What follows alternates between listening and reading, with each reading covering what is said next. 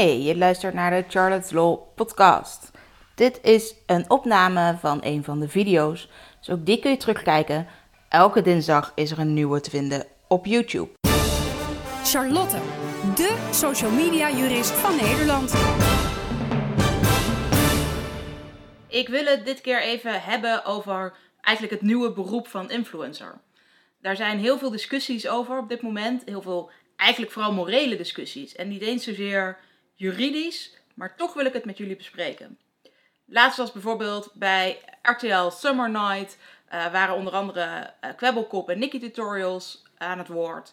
En daar werd de vraag gesteld of YouTubers niet te persoonlijk zijn en niet te veel geld verdienen met wat ze persoonlijk laten zien. En later werd Ananushin nou bijna kapot gemaakt op social media en, en eigenlijk ook wel in de media, omdat ze een waterflesje sponsorde uh, van een goed doel waar weer Shell een bijdrage aan levert. Uh, nou, er zijn er wel meer dingen online, steeds meer gedoe over de reclamecode social media en of het wel of niet vermeld wordt. Dus daar wil ik het eventjes met jullie over hebben. Wat moeten we nou vinden van dat nieuwe beroep van influencer? Eerst nog even over die situatie van Kwebbelkop.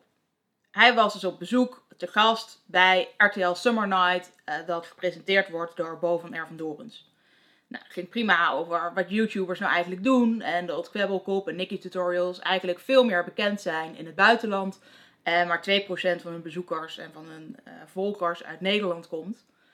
Maar het ging op een gegeven moment ook over twee filmpjes van Kwebbelkop waarin hij zijn vader weer ziet, die hij jarenlang niet gezien had. En die later overleed en die eigenlijk nog op zijn sterfbed gefilmd was. Nou, zijn vader had daar gewoon toestemming voor gegeven. En Kwebbelkop gaf ook de uitleg: ja, ik wil gewoon laten zien wat er in mijn privéleven gebeurt. Dat hoort er nou eenmaal ook bij. dat, het gaat soms om mij. Ik heb twee kanalen: één gamekanaal en één wat meer persoonlijk kanaal. Ja, dit is persoonlijk en dat hoort er dus bij, anders zou ik echt te veel weglaten. En Bo van Ervendorens stelde een aantal keer de vraag: ja, maar was dit nou niet te persoonlijk? Heb je nou niet veel te veel geld verdiend met zo'n video? Hij zei niet zozeer: um, doe je dit expres? Hij zei zelfs ook: ik vind dat, je het, eh, dat het heel oprecht is, dat het, eh, dat, je het niet, dat het niet iets neps is, dat het een echte video is. Maar kennelijk vond hij het moreel toch wel laakbaar. Ja, je verdient geld met je door je persoonlijke leven te laten zien en door te laten zien hoe je vader in het ziekenhuis ligt. Dat van boven Ervendoris kennelijk niet echt kunnen. Uh, daarbij moet ik wel zeggen dat Kwebbelkop gezegd heeft bij RTL Summer Night dat de inkomsten die hij met die specifieke video gegenereerd heeft aan uh, Save the Children heeft gestort. Het was namelijk geen gepromote video, maar ja, met uh, hè, gewoon überhaupt door op YouTube je video te plaatsen, als dan heel veel bekeken wordt, krijg je daar alsnog advertentieinkomsten van. Nou, die heeft hij dus gestort. Wat mij eerlijk gezegd een beetje stoorde aan die opmerking van Bo van Ervendorens, is dat hij zelf juist geld verdient met uh, programma's die ook over privélevens gaan. Hè, onlangs nog die Amsterdam Project. Dat waren dakloze mensen die van hem 10.000 euro kregen om ja, eigenlijk hun leven weer op de rit te krijgen die werden ook helemaal gevolgd. Van nou ja, hoe ze in de goot lagen, tot hoe ze mensen uit konden schelden dat ze ergens absoluut niet wilden wonen. En wat er allemaal overal maar niet wist, mis aan was. En dat is ook geld verdienen met het persoonlijke leven van die mensen. Dus waarom zou dat wel mogen? Maar waarom zou een YouTuber dat dan niet mogen? Dat is natuurlijk iets waar je gewoon heel erg over kunt discussiëren, maar het viel me wel op. Ehm, net zoals Utopia fantastisch draait. Ja, dat is eigenlijk ook gewoon het privéleven van mensen. Uh, Big Brother, waar we lang naar gekeken hebben. Ook daar zie je gewoon wat mensen de hele dag aan het doen zijn. Het woord tokkies, dat we nu gebruiken voor mensen die we misschien wat asociaal vinden, dat komt voort uit een real-life soap over de familie Tokkie. Dus als het op tv is, vinden we het kennelijk wel goed, maar op YouTube niet. Nou, onder andere Masha van uh, Beauty Gloss, en tegenwoordig eigenlijk meer bekend van Vlogklos, tweette daarover van ja, waarom moeten de media nou zo nodig YouTubers aanvallen? Er waren een hoop andere mensen die zeiden nee, maar dit is gewoon onderzoeksjournalistiek. Dit is niet het aanvallen van media. En ook zei Masha van, ja, weet je, wij verdienen nou eenmaal geld. Ja, het kan best zijn dat dat dus uh, geld is dat anders misschien naar tv gegaan zou worden. Of hè, geld dat normaal naar de tv zou gaan. En nu naar een YouTuber gaat. Ja, dat zou best kunnen, maar dat komt gewoon omdat wij het beter doen. En toen zei iemand anders weer van ja, maar je beseft toch wel dat je het geld alleen maar krijgt omdat jullie de reclamecode social media of de Nederlandse reclamecode niet naleven. Ook dat is denk ik iets waar je over kunt twisten. Je, adverteerders geven hun geld uit daar waar het het meest oplevert. Nou ja, dat kan dus zijn op tv, maar als daar je doelgroep niet meer zit of die doelgroep niet specifiek genoeg is, ja, dan zet je het inderdaad misschien wel in op YouTube waar je een specifiekere doelgroep kunt bereiken. Dat is eigenlijk een hele normale marktkeuze. Je gaat niet je geld ergens aan uitgeven waar het je niet het meeste oplevert. Maar dan die opmerking dat de Nederlandse reclamecode, en onderdeel daarvan is de, eh, de reclamecode social media, dat die niet goed opgevolgd zou worden. Nou, is natuurlijk deels waar. Er zijn genoeg influencers die dit helemaal niet goed toepassen. En dan bedoel ik met influencers dus zowel bloggers, vloggers, YouTubers, uh, content creators. Eigenlijk iedereen die online iets publiceert uh, waarbij ze ondersteund worden door een adverteerder. Dat kan zijn door middel van gratis producten of dat ze echt betaald worden voor die specifieke post. Um, persreis maakt allemaal niet uit. Waar het om gaat is dat iets als een advertentie duidelijk moet zijn. Nou, dat kan door specifieke hashtags te gebruiken. Maar dat kan ook door gewoon te zeggen: dit heb ik gekregen van of dit is in samenwerking met. Er zijn influencers die zeggen: ja, dit, ik ga het ook gewoon niet doen. Ik ga het ook gewoon helemaal niet vermelden want daar verlies ik volgers door. Aan de andere kant zijn er veel volgers die zeggen: ja, maar je moet wel eerlijk zijn, want anders volg ik je niet meer. Ja, dan zijn er dus ook nog influencers die het gewoon wel vermelden, maar die vervolgens kritiek krijgen op het moment dat ze er geen sponsoring bij hebben geplaatst, maar gewoon positief zijn over een bepaald product. En daar gewoon over vertellen. Dan hebben ze het product gewoon zelf gekocht. Maar kennelijk accepteren we dan niet meer dat iemand daar positief over is. Dat merken we ook uit het onderzoek van het Commissariaat voor de Media. Zij hebben 100 filmpjes bekeken en uh, hebben van meer dan 90% van de filmpjes geconstateerd dat een merk daar duidelijk in naar voren komt. Eigenlijk blijkt er al een beetje uit dat ze zeggen: ja, dat vinden we dus niet helemaal betrouwbaar. Daarvan kunnen we niet goed weten of dat nou gesponsord is of niet. Wat ze daar eigenlijk een beetje mee zeggen is dat je bijna niet meer zou mogen vertellen over iets waar je gewoon enthousiast over bent als je dat zelf betaald hebt. Dat is denk ik een beetje de omgekeerde wereld. Ja, zoals influencers werken, het is gewoon iets nieuws. Het zijn gewone mensen die vaak wat laten zien wat ze leuk vinden om te maken. Of ze vloggen hun eigen leven. Of je blogt over van alles. En dat gaat in principe gewoon vanuit jezelf. En daar kan zo af en toe ook een adverteerder tussen zitten. Nou, dan moet je het dus, als die adverteerder erbij zit, omdat je een gratis product hebt gekregen of betaald hebt gekregen voor die post, ja, dan moet het vermeld worden.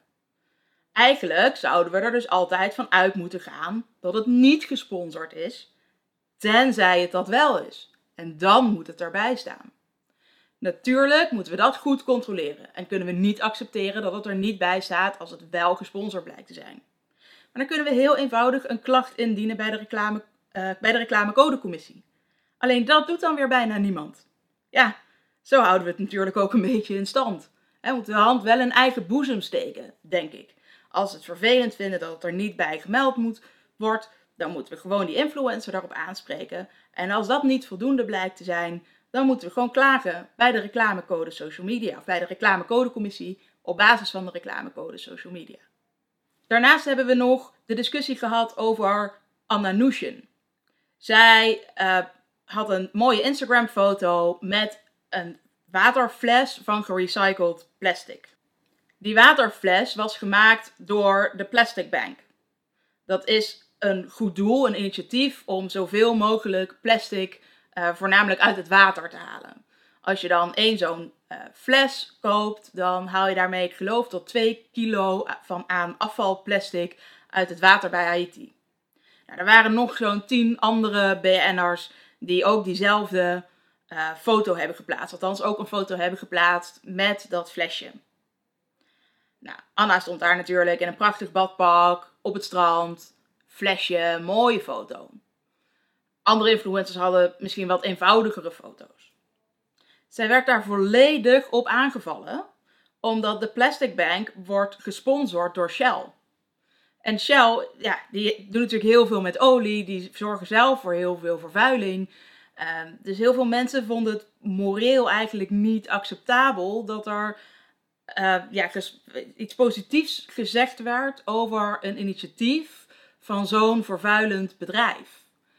Maar eigenlijk werd alleen maar zij daarop aangevallen. En niet al die anderen die precies zo'nzelfde soort post hadden geplaatst op Instagram. Weet je, je kunt er van alles van vinden over of het initiatief nou goed is of niet. Of het nou uitmaakt dat Shell uh, dit ook weer sponsort of niet. Je kunt denken, alle beetjes helpen, ook als het door Shell gesponsord wordt. Of je kunt denken, ja, weet je, alles wat Shell doet is fout. En dit is dus alleen maar wat ze ook wel noemen greenwashing. Hè, dat Shell probeert om zijn naam een soort van te zuiveren door aan dit soort positieve projecten mee te werken. Uh, ja, je zou ook kunnen zeggen, joh, we tanken allemaal. En ook regelmatig bij Shell. Dus eigenlijk doe je er zelf altijd aan mee op het moment dat je überhaupt auto rijdt. Nou rijd ik gelukkig geen auto. Um, dus weet je, dat, eh, is dat een morele discussie, maar moet je een influencer daar op deze manier op afrekenen? Dat is natuurlijk maar wel de vraag. Het is ook voor zo'n influencer gewoon een bron van inkomsten. En dat flesje op zich is natuurlijk wel voor een goed doel. Moet je het dan maar helemaal niet doen? Uh, op zich, het stond er ook allemaal keurig bij in dit geval. Dus absoluut geen problemen met uh, de reclamecode social media. Er stond gewoon Spon, hashtag Shell, alles stond erbij. Dus we wisten prima waar het vandaan kwam. Nou, dan weet je ook, moet ik me hier iets van aantrekken of niet? Juist omdat hashtag Shell erbij staat, kon je daar heel goed je eigen mening over vormen. Nou, dan zeg je misschien, ik vind het niet zo tof van Anna. Nou, dan volg je er niet meer of je volgt er wel. Maar waarom nou boos worden op iemand? Maak dan gewoon de keuze om iemand niet of wel te volgen, maar niet op deze manier af te rekenen. Dan is dus nog de vraag: krijgen influencers nou vooral grote budgetten omdat ze de reclamecode social media negeren of omdat ze zoveel bereik hebben? Entertainment doet het nou eenmaal het beste. En dat is natuurlijk in feite wat die influencers doen. Ze maken mooie plaatjes of leuke video's die door veel mensen bekeken worden. En dat is waarom daar advertentiebudgetten naartoe gaan. Zoals je bij Anna Nushin ziet, er staat gewoon hashtag Shell, hashtag Spon bij. Dus dat gaat gewoon keurig zoals het moet. Waarom krijgt zij dan juist dat aanbod? Ja, gewoon omdat deze advertentie goed bij haar zou passen. En zij dus kennelijk ook vindt dat ze dit best kon doen en dit best bij haar paste. En ook als dat niet zo zou zijn, hè, ook als zij zou vinden dat het niet echt bij haar past, ja, zolang zij alles vermeldt, dan mag het in elk geval gewoon. Eigenlijk gaat het erom dat influencers een nieuw beroep is je we moeten daar met z'n allen aan gaan wennen. Uh, het, alles verandert. Beroepen verdwijnen, er komen nieuwe beroepen bij. Zo is dat altijd al gegaan.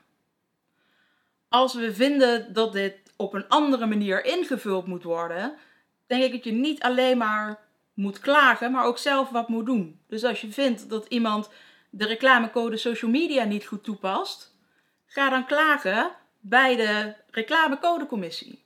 Vul dat formulier in, Maak duidelijk om welke adverteerder het gaat. Maak ook duidelijk om welke influencer het gaat. En zorg ervoor dat die zelfregulering gaat werken, dat ze op hun kop krijgen.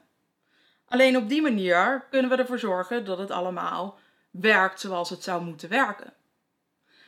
De, het commissariaat voor de media uh, is zich aan het bemoeien met een Europese richtlijn op dit moment, zodat bij video's uh, er zometeen ook wat strenger gehandhaafd kan worden door uh, het commissariaat voor de media en dat er ook boetes opgelegd kunnen worden. Daar moeten we wel nog even op wachten. Bovendien geldt dat dus niet voor gewoon foto's op Instagram of hè, iets wat er op een gewone blog gebeurt. Laten we nou met z'n allen proberen te wennen aan wat er nieuw is en helpen bij de handhaving. Dus niet alleen maar klagen, maar gewoon in gesprek gaan. En als het dan echt fout gaat, klagen bij de reclamecodecommissie.